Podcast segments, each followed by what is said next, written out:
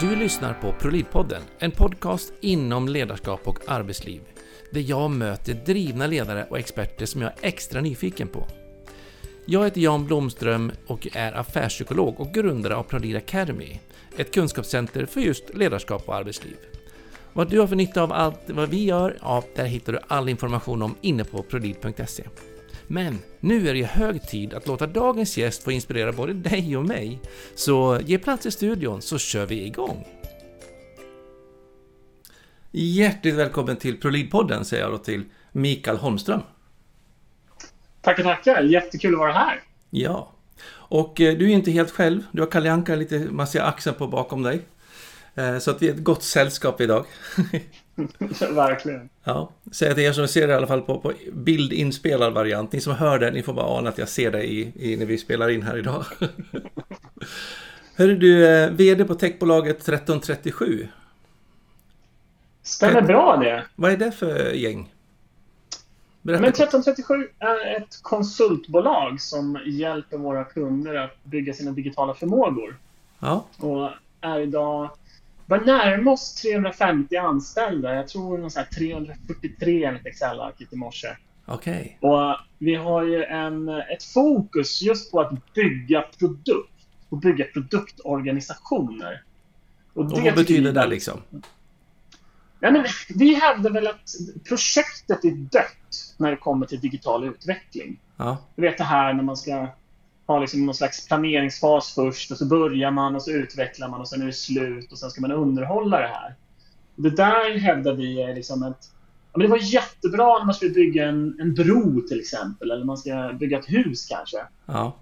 Men i den här moderna produktutvecklingen när man hela tiden måste förändra, anpassa så kan man liksom inte tänka på det sättet. Så där jobbar vi starkt med att försöka hjälpa våra kunder att dels faktiskt hands-on utveckla bra produkter, men också det som lite slarvigt på svengelska kallas för ways of working och hur kan man organisera en produktutvecklingsorganisation och hur ska man jobba med det? För vi hävdar ju också, med risk för att jag babblar på här för långt ja. nu, men vi, vi ser ju liksom en värld där alla idag är teknikbolag, där alla är mjukvarudrivna mer eller mindre. Man är i alla fall på väg dit. Och vår tes som är lite sådär Ja, men en del höjer lite på ögonbrynen när vi säger att vi är ett konsultbolag som anser att kunder ska inte vara beroende av konsulter.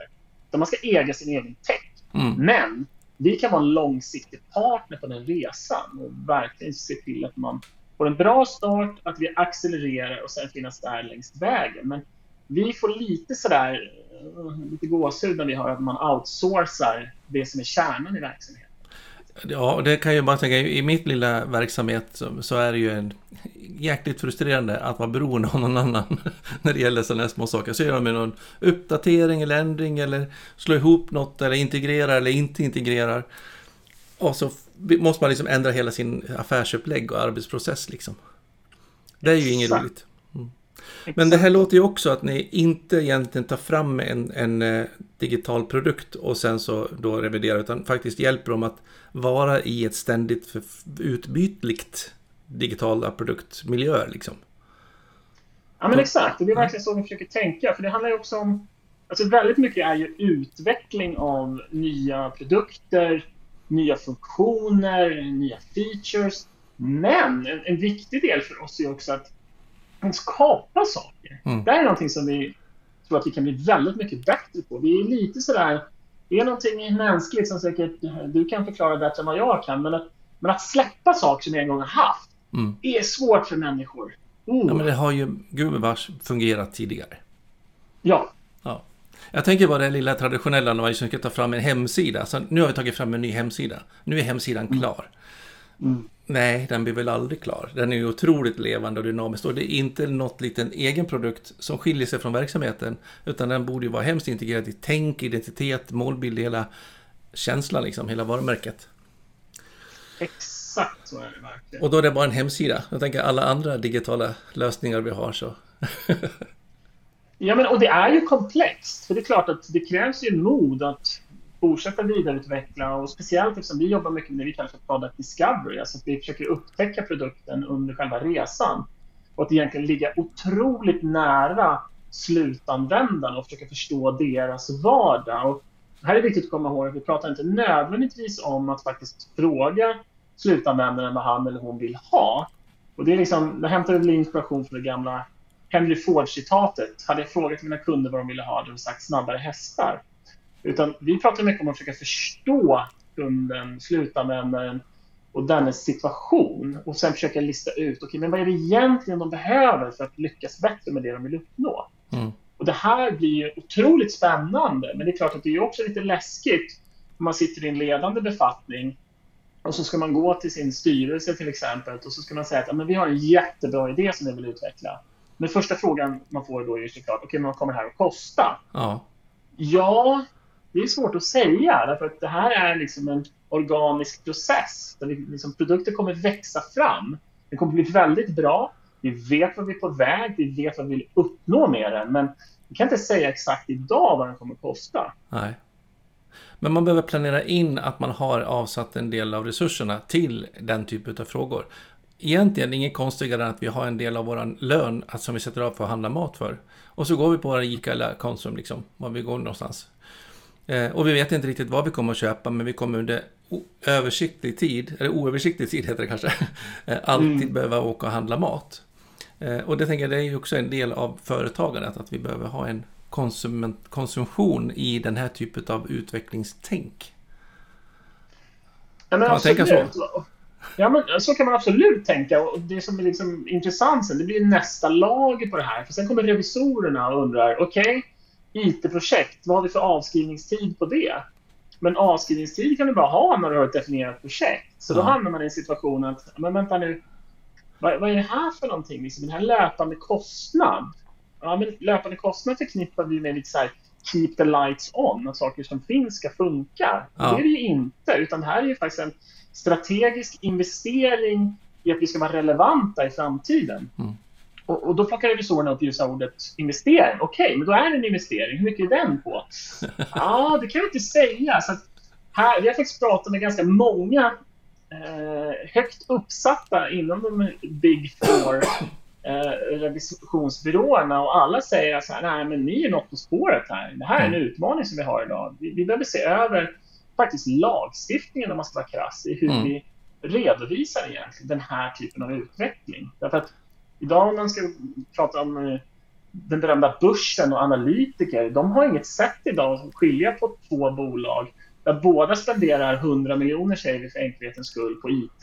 Mm. Men där den ena spenderar 90 miljoner på underhåll på gamla grejer och 10 miljoner på, på nya spännande initiativ. Och den andra har tvärtom. 10 ja. miljoner för att hålla lyset på, 90 miljoner för nya saker. Och det är klart att om man, om man in, gillar börsen och man är en analytiker, det där vill man ju förstå, men det går inte att utläsa idag. Nej, precis. Så, så det här kommer vara de närmsta åren mycket diskussion kring, tror jag. Och jag tänker, det här är ju en, en, en skifte i syn som verkligen ändrar på hela arbetsmarknaden och företagandet. Och jag, tänker, jag, har skrivit en, jag har släppt en bok här nu i, bara för några par veckor sedan som heter Ledarrevolutionen som ser ut så här. Eh, mm. Och jag visar upp den för er som lyssnar. Men den leder relationen bara. Jag och tillsammans med Lena Perå. Eh, och den lite grann också med, med liksom hur man ser på personal och ledning och styrning. Eh, att man behöver liksom skifta det här som... Man har ju liksom förklaringsmodeller som nästan har sina rötter i hundra år gamla förklaringsmodeller. Och vi kan liksom inte hitta dagens svar med hundra års gamla modeller. Och det är lite det du pratar om också. Vi behöver ju någonstans hitta ett nytt sätt att tänka och förstå och lagstifta inför våran, det vi ska göra liksom och möta upp med dagens utmaningar. Absolut. För jag tänker också, förut gjorde man ju nya digitala lösningar när den andra inte funkar längre. Men idag mm. gör man ju det när den andra funkar därför att vi är under utveckling. Och, och liksom håller den rörlig liksom. Och det, I alla fall så som jag tänker. Jättespännande. Ja, Vad kul. Eh, men när man då tänker sig den här på, proaktiva liksom, driften och rollen, att vara, istället för att som konsultföretag vara en tjänsteleverantör som, som ger service, eh, så, så pratar ju du i mina öron i alla fall om att ni är en kunskapsavdelning, eller kunskapsföretag. Och därför så funkar mm. det ju inte att fråga kunden vad de vill ha, för den vet ju inte. Det är ju ni som vet möjligtvis vad det är de eventuellt behöver och skulle vilja ha. Fast de vet inte om det än. Och då gäller ju att kunna göra resonemanget och paketeringen möjlig för kunden att köpa, så alltså göra sig köpbar. Eh, med sina idéer och sånt där. Nej, men så är det absolut. Sen så ska man vara tydlig här och säga att vi kan ju inte kundens verksamhet och affär lika bra som kunden kan. Nej. Utan vi är ju teknikspecialister. Så, så magin uppstår ju när vi gifter samman de här två kompetenserna. Ja. Att vi är väldigt, väldigt duktiga på produktutveckling Mm. och kan liksom tillsammans med kunden hitta, okej, men hur ska vi jobba framåt för att få ut mesta effekten av det vi vill göra? Och det är där det blir så intressant nu när man ser så många modiga kunder som ofta verkligen har liksom köpt in på det här med att men vi är ett techbolag. Vi är Mm. mjukvarudrivna. IT är vår affär. Det är inte längre bara ett stöd. Mm. Och sen jag har blivit... Jag citerar ganska många gånger här, tycker jag, fantastiska. Justin Trudeau sa ju på Davos 2018 att utvecklingen har aldrig någonsin gått, gått så fort som den gör idag. Den kan, kommer aldrig någonsin gå så här långsamt igen. Nej. Och det talar ju också om verkligen för oss att vi måste vara otroligt agila, snabbfotade, röra oss framåt. Och, och det är ju fantastiskt att få chansen att prata med en affärspsykolog. För, för jag upplever att det här är kanske det jobbigaste som finns för människor. Att det liksom inte finns något slut. Det här är en oändlig acceleration. Mm. Och alla vill liksom, okej, men ett tufft år kan vi ta. Mm. Men, men, men det kommer ett slut, eller hur? Bara man får vila sen Nej. liksom. Ja, Ja. Ja, det gör inte det.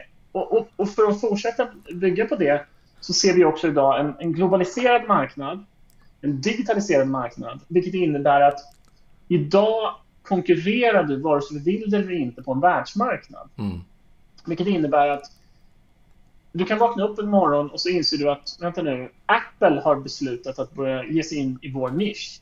Eller Amazon, eller Google, eller Tencent, eller Mm. Alibaba, eller vad de nu heter.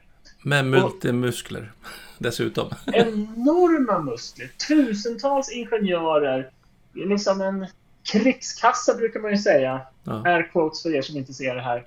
Eh, och, och kan man liksom ösa in pengar och gå i förlust i 20 år Mm. för att de tycker den här marknaden är intressant. Ja. Och det är svårt att försvara sig mot.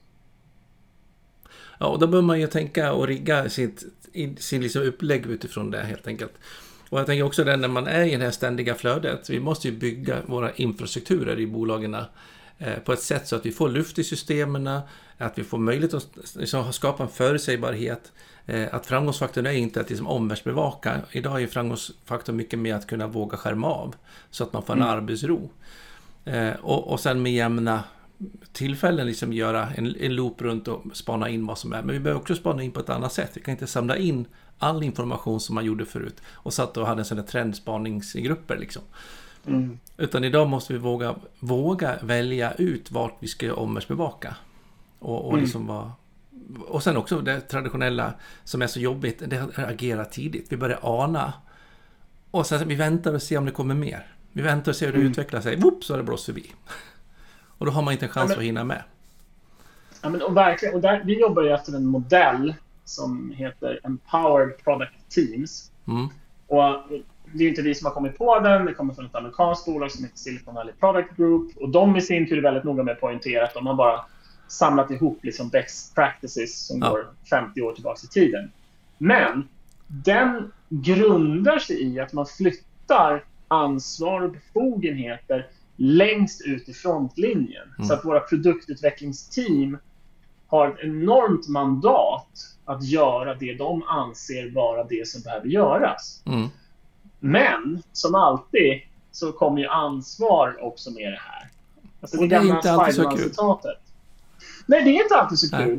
Men det är klart att det blir viktigt när du får ansvar att säga så här, men vi vill uppnå det här. Ni har mandat att bestämma hur ni ska göra, vilka tekniker ni ska välja, hur ni ska jobba.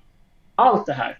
Men det funkar ju bara om ni också tar ansvar. Och det håller jag med om. Här är det ju en omställning för många. På, på tekniksidan framförallt som vi representerar och där man är van med att det kommer liksom order uppifrån. Det är någon slags gammal så här, fabrikstänk lite som du var inne på. Ja. Det kommer en lista med features. Gör det här i fabriken. Ja, säger fabriken. Det gör vi. Det är väldigt dumt att göra det här för vi håller inte alls med. Men om det är det ni vill ha så får ni det. ja, så jobbar Det man på försöker vi med. nu liksom byta. Och hur gör ni för det då? För ni har jobbat ganska målinriktat med, med det sättet att tänka visst, tänker jag. Ja, men det vi försöker vara väldigt noggranna med och försöka utbilda både oss själva men alla vi jobbar med också. Det är just att vi i management måste fokusera på att leda med vision och kontext. Vi måste vara bra storytellers och kunna peka ut liksom, riktningen, kompassnålen. Det är mm. hit vi ska. Ja. Vad vill vi uppnå för effektmål? Vad är det vi söker? Jo, vi vill ha världens bästa poddplattform och det definierar vi som att alla ska se det som sitt absolut förstahandsval om de får välja. Mm. Okej. Okay. Men sen så släpper vi och säger till teamen att det här, hur skulle ni ta er an den här utmaningen? Och det man ser då kommer ganska naturligt är just att då, då börjar teamen gå direkt till potentiella, i det här fallet om vi fortsätter med liknelsen, ja. folk som spelar in poddar. Börjar intervjua dem, börjar fråga, men vad är du ute efter? Vad är det som funkar idag? Vad är det som inte funkar? Och det skapar en enorm kraft, därför man får helt plötsligt ett helt annat ansvar. Och jag upplever idag att man, vi som har varit i techbranschen länge har ju pratat om den här kompetensbristen jag vet inte hur länge. Mm. Och den är sann. Men, det kommer ett men. Och den är ju också att jag upplever att vi inte utnyttjar den fulla kapaciteten i våra techteam idag. Därför att de känner att de är lite på autopilot. Därför att ah, jag behöver aldrig riktigt tänka och verkligen koncentrera mig. Utan jag, jag gör det de har sagt åt mig. Jag ska producera kod, liksom, typ. Eller något ja. annat sånt där gammalt eh, förlegad bild. ja, kanske till och med så att vi management, eller vad vi nu ska kalla oss för, har till och med gjort lite sådana strategiska teknikval. Mm. Och säger att ja, men vi ska göra en sån här sajt på den här tekniken. Och de himlar med ögonen och tycker liksom, det där är gammalt. Men visst, om du vill ha det gubbe så får du det. Men... Mm. Och det vill vi försöka knäcka. Och då ser man ju gärna på medarbetare idag. De har ju sin egna varumärke att jobba med. Att se till att man håller, upprätthåller sin egen marknad, anställningsbarhet. Och bedömer jag inte riktigt att ni väljer rätt teknik till exempel och plattform för att göra det här lösningen på så kommer jag liksom att äventyra, jag kommer få dåligt rykte på marknaden. Så jag vågar inte vara kvar hos er. Så då söker man sig gärna vidare. Mm. Så att eh, det här är ju också ett samspel mellan ledning och medarbetarskapet. Att verkligen lyssna in. Vad är det som vad är det som driver medarbetarna för att man vill vara kvar? Eh, en annan aspekt i det där med att lägga ut mycket ansvar. Pratar ni i termerna utav att, man, att delaktighet är viktig? Eller hur ser ni på delaktighetssnacket som man ofta har på arbetsplatserna? Jag tycker det är otroligt viktigt. Och mm. Det är väl en av de största utmaningarna man ser och kanske extra mycket nu efter pandemitider och folk jobbar hemifrån. Och jag, jag, tror att det finns en term i USA, det kanske du kan bättre med, men jag tror att de pratar om något som de kallar för quiet quitting. Vilket i princip är att man, man jobbar kvar men man har liksom slutat att bry sig. Ja, man bara glider med och tar emot lönen liksom. Ja. Mm. Och det är väl det värsta som kan hända en organisation. Ja. Det bästa en sån det... medarbetare kan göra, den går till en konkurrent och sätta sig och, och, och ja. driva med. Exakt. Eh, för Men det, här med det är det vi menar. Ja. För delaktigheten, om jag skulle vilja utmana dig, dig en liten steg i den. Det att delaktigheten pratar man igenom att den är viktig idag, men det bygger ju någonstans på att ledningen har kvar frågorna och så bjuds man in och får vara med och, och vara delaktig och tycka om den. Men samtidigt, jag tänker att kan man lägga ut frågorna mer, precis som jag tycker att du säger egentligen när ni säger att mandaten ska ligga ut, då kanske man inte ens ska prata om att man är delaktig, för då äger man ju frågan redan från början. Då har man ju liksom gått förbi delaktighet.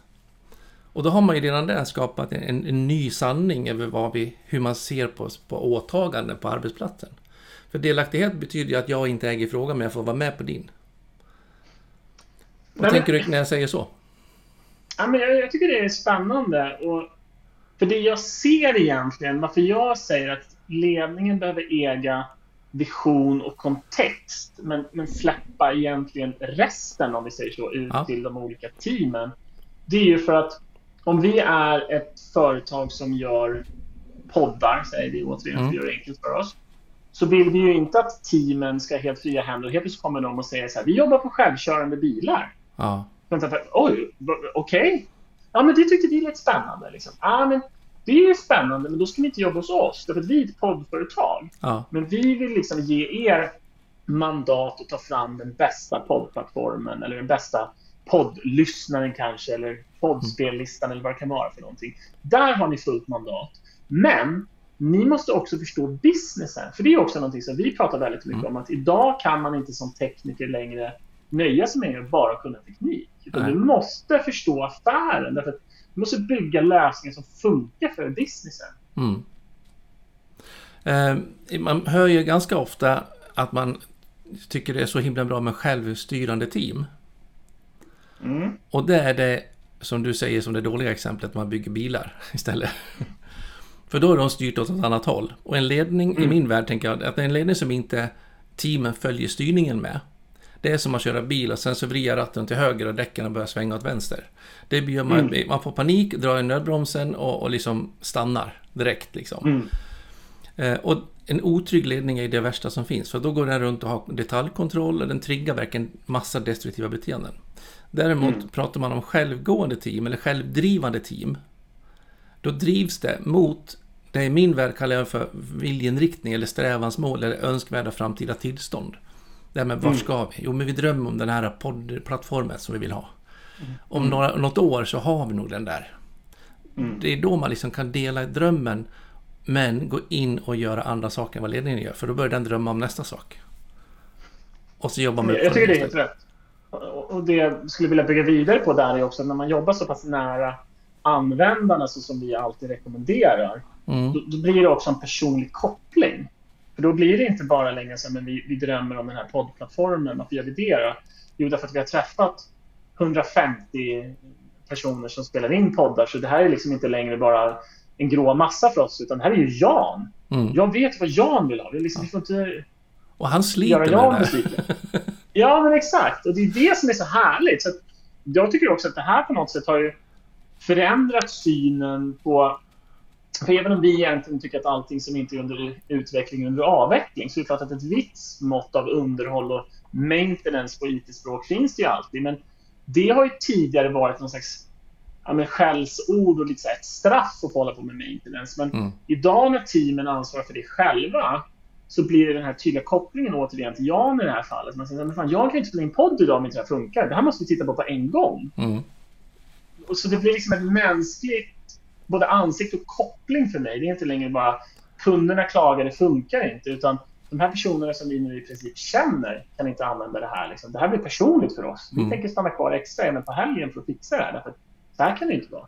Och så tänker jag också att då när jag har gått nu en stund sen sist ni var inne så har jag faktiskt gått och flurat grann. Jag vill utveckla min affär, jag vill kanske ändra lite framtoning, jag vill liksom testa någon ny funktion. Så när vi gör det här underhållet, då blir det ju även utveckling med i det. Mm. Så jag tänker, man underhåller ju inte upp till standard noll liksom, nivå, utan man, då vill man ju passa på när man ändå gör något och ha er inne.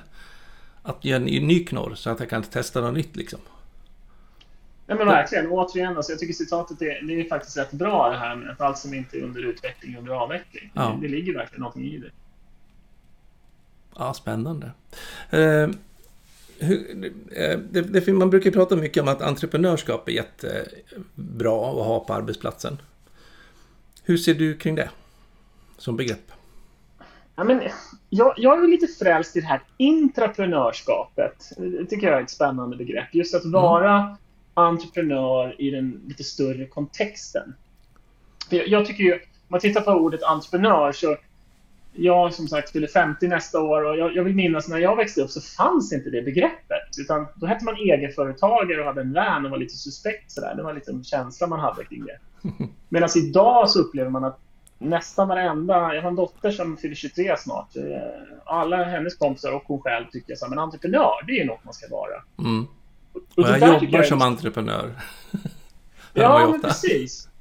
Och, och, och, det där tycker jag är liksom någonting fantastiskt. Men det är också viktigt att komma ihåg att, att alla kan inte vara liksom nästa Daniel Ek eller Bianca Ingrosso eller vad det nu är för entreprenörer man ser upp till. Mm. Men de egenskaperna, att kunna driva initiativ, att kunna sälja, att kunna paketera, ta ansvar. De är ju oerhört värdefulla. Och är någonting som behöver komma in i de större bolagen. Därför där finns det, ja, absolut det är farligt att dra alla över en kam, men om man generaliserar så ser man att det gärna stagnerar och man slutar att spela för att vinna. Man spelar för att inte förlora. Mm. Och man kan alltid hitta anledningar till varför man inte borde göra någonting. Men man behöver modiga personer som vågar sticka ut hakan och säga men häng med, nu gör vi det här. Mm. Vad är det värsta som kan hända? För jag tänker det är ju ganska lätt om man är typ vanlig anställd att kanske gå och sätta sig på läktaren och vänta ut tills någon säger att jag ska komma ner och göra någonting. Eh, och jag stötte på, eh, senast nu för någon dag sedan bara, så, så var det någon ledning som sa ja, men jag har ju verkligen försökt och erbjudit mina, mina team liksom att komma med idéer till utveckling. Men det kom ju inget, liksom. Mm. så att nu har jag bestämt det själv. Alltså att, ja, men då ger man också en möjlighet. Alltså att om ni vill så får ni komma med en er, liksom, er idé. Om inte ni vill så behöver ni inte, för då gör jag det åt er. Det är ganska enkelt. Att då, då mm. sätter man sig ner på rumpan och riskerar inte att få någon smäll på fingrarna eller att någon kompis blir avundsjuk att jag stack ut näsan eller vad det nu är för sak som, som håller mig kvar. Mm. Um, och det där tänker jag mig också, med, med, i alla fall som jag tolkar kring entreprenörskapen, att att uppmuntra som ledning att det här är vad vi faktiskt betalar er lön för. Det ingår i jobbet. Att ta de här initiativen, att komma ner från läktaren och, och vara med och driva.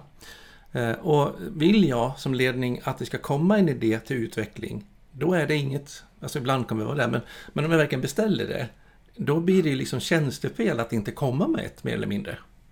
Mm. Så det blir lite villkorat att den här liksom, kommer glada inspel är valfritt någon gång ibland, men, men många gånger så antingen så behöver jag inspelen och då vill jag att de ska komma nu, för det ingår i projektutvecklingen eller i affärsutvecklingen eller vad det är nu som vi står i.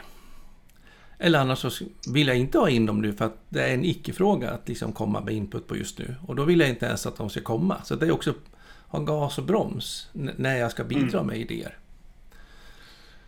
Nej, men, och, och, där tycker jag också att vi har olika strategier, jobbar med olika typer av faciliteringsövningar, olika workshops och verkligen få igång det här beteendet hos folk. För det är otroligt viktigt också att vi verkligen som ledning backar här hela vägen. För det är också så att med den här typen av olika initiativ så kommer det ju gå fel ganska ofta. Mm. Men då har vi ju lärt oss massa saker som vi har otrolig användning för i nästa steg. Men här måste man ju ta ett stort ansvar som ledning. För det kom, om man börjar implementera den här typen av kultur, första mm. gången det går fel så kan jag garantera det, för alla kommer titta på top management direkt och säga okej, okay, vad händer nu? Mm. Om vi då från top management gör liksom high fives all around och säger hörni, det här blev inget bra, men oj vad mycket grejer vi lärde oss. Det här var spännande. Liksom. Ja. Fler sådana här initiativ vill vi se. Ja, jag ser fram emot nästa försök. Liksom. Ja, men exakt. Mm. Och, och, det tycker jag också, det här är faktiskt en viktig del. Återigen, fantastiskt spännande att få prata med en affärspsykolog faktiskt. Därför att vi pratar jättemycket om något vi kallar för show your work. Ja. Och det handlar om när du jobbar på de här idéerna så, så är det ju nästan lite som så här R&D. Det är lite forskning på något sätt. Mm. Det är en lightweight-forskning på något sätt. Men, men det finns något mänskligt i att vi vill bara berätta när vi har kommit på någonting.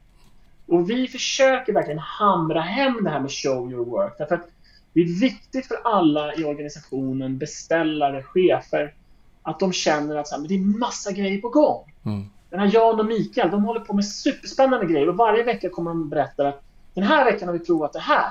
Och det gick åt pipsvängen. Men vi lärde oss att så där ska man inte tänka. Vi tror på det här, så det ska vi testa nästa vecka. Ja. Och då får man ju också en känsla av att alla tycker att oh, det, här, det blir nästan som en tv-serie. Åh, oh, vad spännande. Undrar vad nästa veckas avsnitt innehåller. Hur går ja. det egentligen med den testen de ska göra? Men det finns något mänskligt, tycker jag mig märka, i att Ja, men ska jag gå upp och berätta att vi inte har kommit fram till något? Ja, men det känns inget kul. Jag väntar hellre till nästa vecka och berättar. För då kanske vi har något. Men så blir det några sådana veckor i rad. Och då börjar kanske ledningen i det här fallet känna att så här, håller de på med egentligen där? Och lägger man då som ledning en belöningskultur på att man har kommit med en riktigt genomtänkt och jäkligt bra färdig produkt. Eller lägger man belöningskulturen på att man kommer i den i ett hemskt tidigt skede. Så mm. har du ju även där egentligen styrt vart det är för beteende som blommar ut. Och det traditionellt mm. i hela, hela den traditionella gamla ledningsstrukturen Eh, där man liksom har suttit typ i ledningsgruppen bakom stängda dörrar och tänkt ut massa bra, smarta idéer. Och sen har man suttit en vecka till och sen en vecka till och sen går månaderna tills man är helt, helt färdig. Mm. Med den nya produktlinjen eller den nya omorganisationen eller whatever vad det kan vara för någonting, stort som smått. Och sen presenterar man det på en stor personalmöte, kick-off, en halvtimme, en kvart liksom. Och sen blir man förskräckt och ropar in sådana som mig när inte folkerna gör vad, vi, vad de hade sagt. de har inte haft en chans att hänga med. Men grejen är att när man har en kultur av att man måste sova på saker, måste tänka helt färdigt innan jag presenterar det. Mm. Så alltså, jag som har tänkt så mycket på det kommer inte att vara kritisk till det här nu. så mm. går man i försvar. Så att det handlar egentligen om att kunna lansera verkligen sina idéer mycket tidigt och hemskt billigt. Gör en grov mm. skiss, någonting sånt. Precis som du berättade om att man kan visa att nu gjorde vi ungefär så här och det sket sig. Eller nu gjorde vi så här, det mm. verkar ganska bra, vad tror ni om det? Jag tänk, vi tänker oss att vi ska tänk, prova så här nästa vecka. Vad tycker ni att vi ska behöva tänka på när vi ska test, testa det? Har ni någon medskick mm. ni kan göra? Och sen tar det liksom 30 sekunder så säger man tack så jättemycket, vi ska beakta det. Och så går man. Mm. Så att man mm. blir otroligt billigt att liksom presentera produkterna och idéerna. Och i och med att jag inte har investerat det, varken i tid eller pengar, då har jag ju också råd att ta emot feedback och, och kritiken. Mm. För jag behövde gå i försvar. Här har jag min sann. Det är liksom ingen idé en gång, för att jag har inte gjort det. Och då får du ju en otroligt bred belysning. Så att hela produkten blir liksom verkligen bred i sitt fundament. Innan mm. den växer fram och blir färdig. Och det är det jag hörde ja, men, dig som. ja, nej, men, jag tycker det är så här, jag måste faktiskt dela med mig om en... Det är nog det finaste feedback jag har fått, tror jag. Jag, jag fick faktiskt ett, ett samtal från en av mina nuvarande kollegor i ledningen som sa att Alltså Mikael, du är verkligen läskig. Så så här, Jaha, oj, det låter inte bra. Liksom, vad menar du? Kan du utveckla det? Så här, Nej, men alla tidigare chefer jag har haft, så det har aldrig spelat någon roll vad man sa. Så det har varit helt ofarligt att prata med dem. Man kunnat säga vad för strunt som helst. Det har aldrig hänt någonting. Mm. Men du är livsfarlig. För säger jag någonting till dig idag så har du implementerat det imorgon. Du bara lita på mig och kör. Och nu måste jag verkligen tänka efter innan jag presenterar någonting. Ja. Och då känner jag liksom, ja, men jag vill ju verkligen leva som jag lär. Och jag tycker det är oerhört viktigt att alla känner att men, allas idéer är värda att testa. Alla idéer är värda att få liksom chansen att prövas. Men vi måste också vara snabba på att lägga ner det som inte funkar. Ja. Jättebra, jag ser att du tror på det här. Vi testar. Och sen är det givetvis såklart, det finns ju parametrar, kräver stora investeringar och liksom andra sådana saker. Ja, men det, här är just... mycket ganska enkla grejer. Ja. Men, men det där exemplet du nämnde där, det där är ju också precis den skillnaden mellan om man är delaktig eller har lagt ut frågorna verksamhetsnära redan från början. För mm. om, jag, om jag får vara delaktig så kommer jag med min kloka idé. Jag har tänkt på en sak. Kolla Mikael. Och så, wow, spännande, nu kör vi. Då får jag lite panik. Därför att jag förväntar mig att du ska ta min synpunkt, suga på karamellen och så gör du ditt eget val. Mm. Men om frågorna är verkligen delegerade, då är det ju liksom min fråga. Och har jag kommit med ett förslag så har jag väl kollat upp den så att den är god nog. Mm. Och så testar vi. Och det kanske är så att du sitter på startnyckeln för att det ska liksom fattas vissa beslut eller sådana saker. Ja, men, och, det är där jag tror också att man måste titta sig själv i spegeln någonstans. Alltså, jag ska vara helt ärlig och säga att jag tror jag är medelintelligent at best. Mm. Men de flesta som jobbar hos oss är ju briljanta. Vi har ju liksom allt från liksom arkitekter, data scientists, folk som jobbar med DevOps och mobilutveckling som är briljanta, ligger absolut längst fram i den tekniska utvecklingen, åker runt över hela världen och talar på konferenser och allt vad det är för någonting. Mm. Det är klart att om de kommer till mig med en idé så verkar det ganska konstigt att jag skulle ta någon från dem. Nej, men så där ska vi nog inte göra när det kommer till AI. Nej. Jag ska tänka på det här. Utan så här, ja, men, och, och på det också, för du ska tänka på hela verksamhetens alla olika frågor istället för att man får expert på sitt. Du är i alla fall VD. Ja, men absolut. Men jag brukar alltid säga så här, jag har tre uppgifter. Det är alltid så jag introducerar mig själv internt, vad jag jobbar med. Mm. Det första är att jag är ansvarig för visionen. Det är nummer ett. Mm. Det betyder inte att det är jag som tar fram visionen, men jag är liksom herden som vaktar visionen och ser till så att vi inte tappar fokus. Det är ja. nummer ett. Ja. Den största uppgiften jag har, det är faktiskt att skapa förutsättningar för alla briljanta människor som jobbar hos oss. Mm. Så att de har det de behöver för att göra ett riktigt bra jobb. Det är det mm. jag lägger mest tid på. Den tredje saken, det är det jag lägger allra minst tid på. Men det är när vi har två eller flera personer hos oss som har försökt enas om någonting, men de kan verkligen inte få till det. Ja, men då är jag tiebreaker. Då mm. går jag in och så får de presentera sina case och så bestämmer jag. Ja, men vi kör vänster eller höger eller vad det nu kan vara för någonting. Ja. Men det är det enda. Men min huvudsakliga uppgift är att se till så att våra briljanta medarbetare har absolut bästa förutsättningar. Mm. de är så fruktansvärt mycket bättre på det de gör än vad jag är på det. Och det är det man letar efter när man rekryterar. De Mm. som är bäst på att säga, och de som säger anställ mig, jag fixar det här uppdraget mycket bättre än alla andra som har sökt jobbet. Och så har de fått jobbet. Mm. Och då är det låt, dem- låt dem börja bri- briljera liksom. Jättespännande, hur kul som helst. Jag måste bara checka av en liten detaljfråga innan vi rundar av här. Ni har ju Ja. kontor i Borlänge. Ja, Hur många är ni där? 23 tror jag vi är nu. Okej. Brukar du vara där? Eh, inte så ofta som jag borde. Nej? Men jag är där ibland och vi har faktiskt eh, vi har en så här, vi har faktiskt en egen merch shop, så här lite töntigt techbolagigt. Men alla som kommer till vårt Borlänge-kontor får ett par tofflor faktiskt. Okej. Så, så det är lite så här gamification vi håller på med lite. Vi vill verkligen att alla ska komma till Borlänge. Ja. Jag frågar lite om det för att jag, jag är född och uppvuxen i Borlänge. Så det, man blir alltid lite, när man ser att man har kontor där så bara, mm, men där. jag har inte bott där på massa år, men jag har familjen kvar och så. Ja, jag förstår. Ja, jättespännande. Hörru du, om man vill eh, komma i kontakt med dig och se lite mer vad ni gör eller är intresserad av era tjänster och, och så, vad får man ta på dig någonstans? Eh, antingen så hittar man mig på LinkedIn såklart. Mm. Mikael med bara C, Holmström. Eh, men också så kan man gå in på vår webb, 1337.tech. Suveränt. Där hittar man oss. Ja, härligt, härligt. Hörru du, så spännande och um, jättekul att du kunde vara med på ProRead-podden. Tack för att jag fick vara med. Kanon, tack! Ja, om du uppskattar avsnittet så passa på och gilla och prenumerera på den favoritplattform som du befinner dig på just nu. Och eh, ja, låt oss inspirera varandra också på våra sociala kanaler. Prolid eller Jan Blomström, ja det går lika bra. Och kontakta mig om du är nyfiken på våra tjänster eller besök prolid.se. Men eh, ta hand om dig tills vi hörs i nästa avsnitt. Hej då!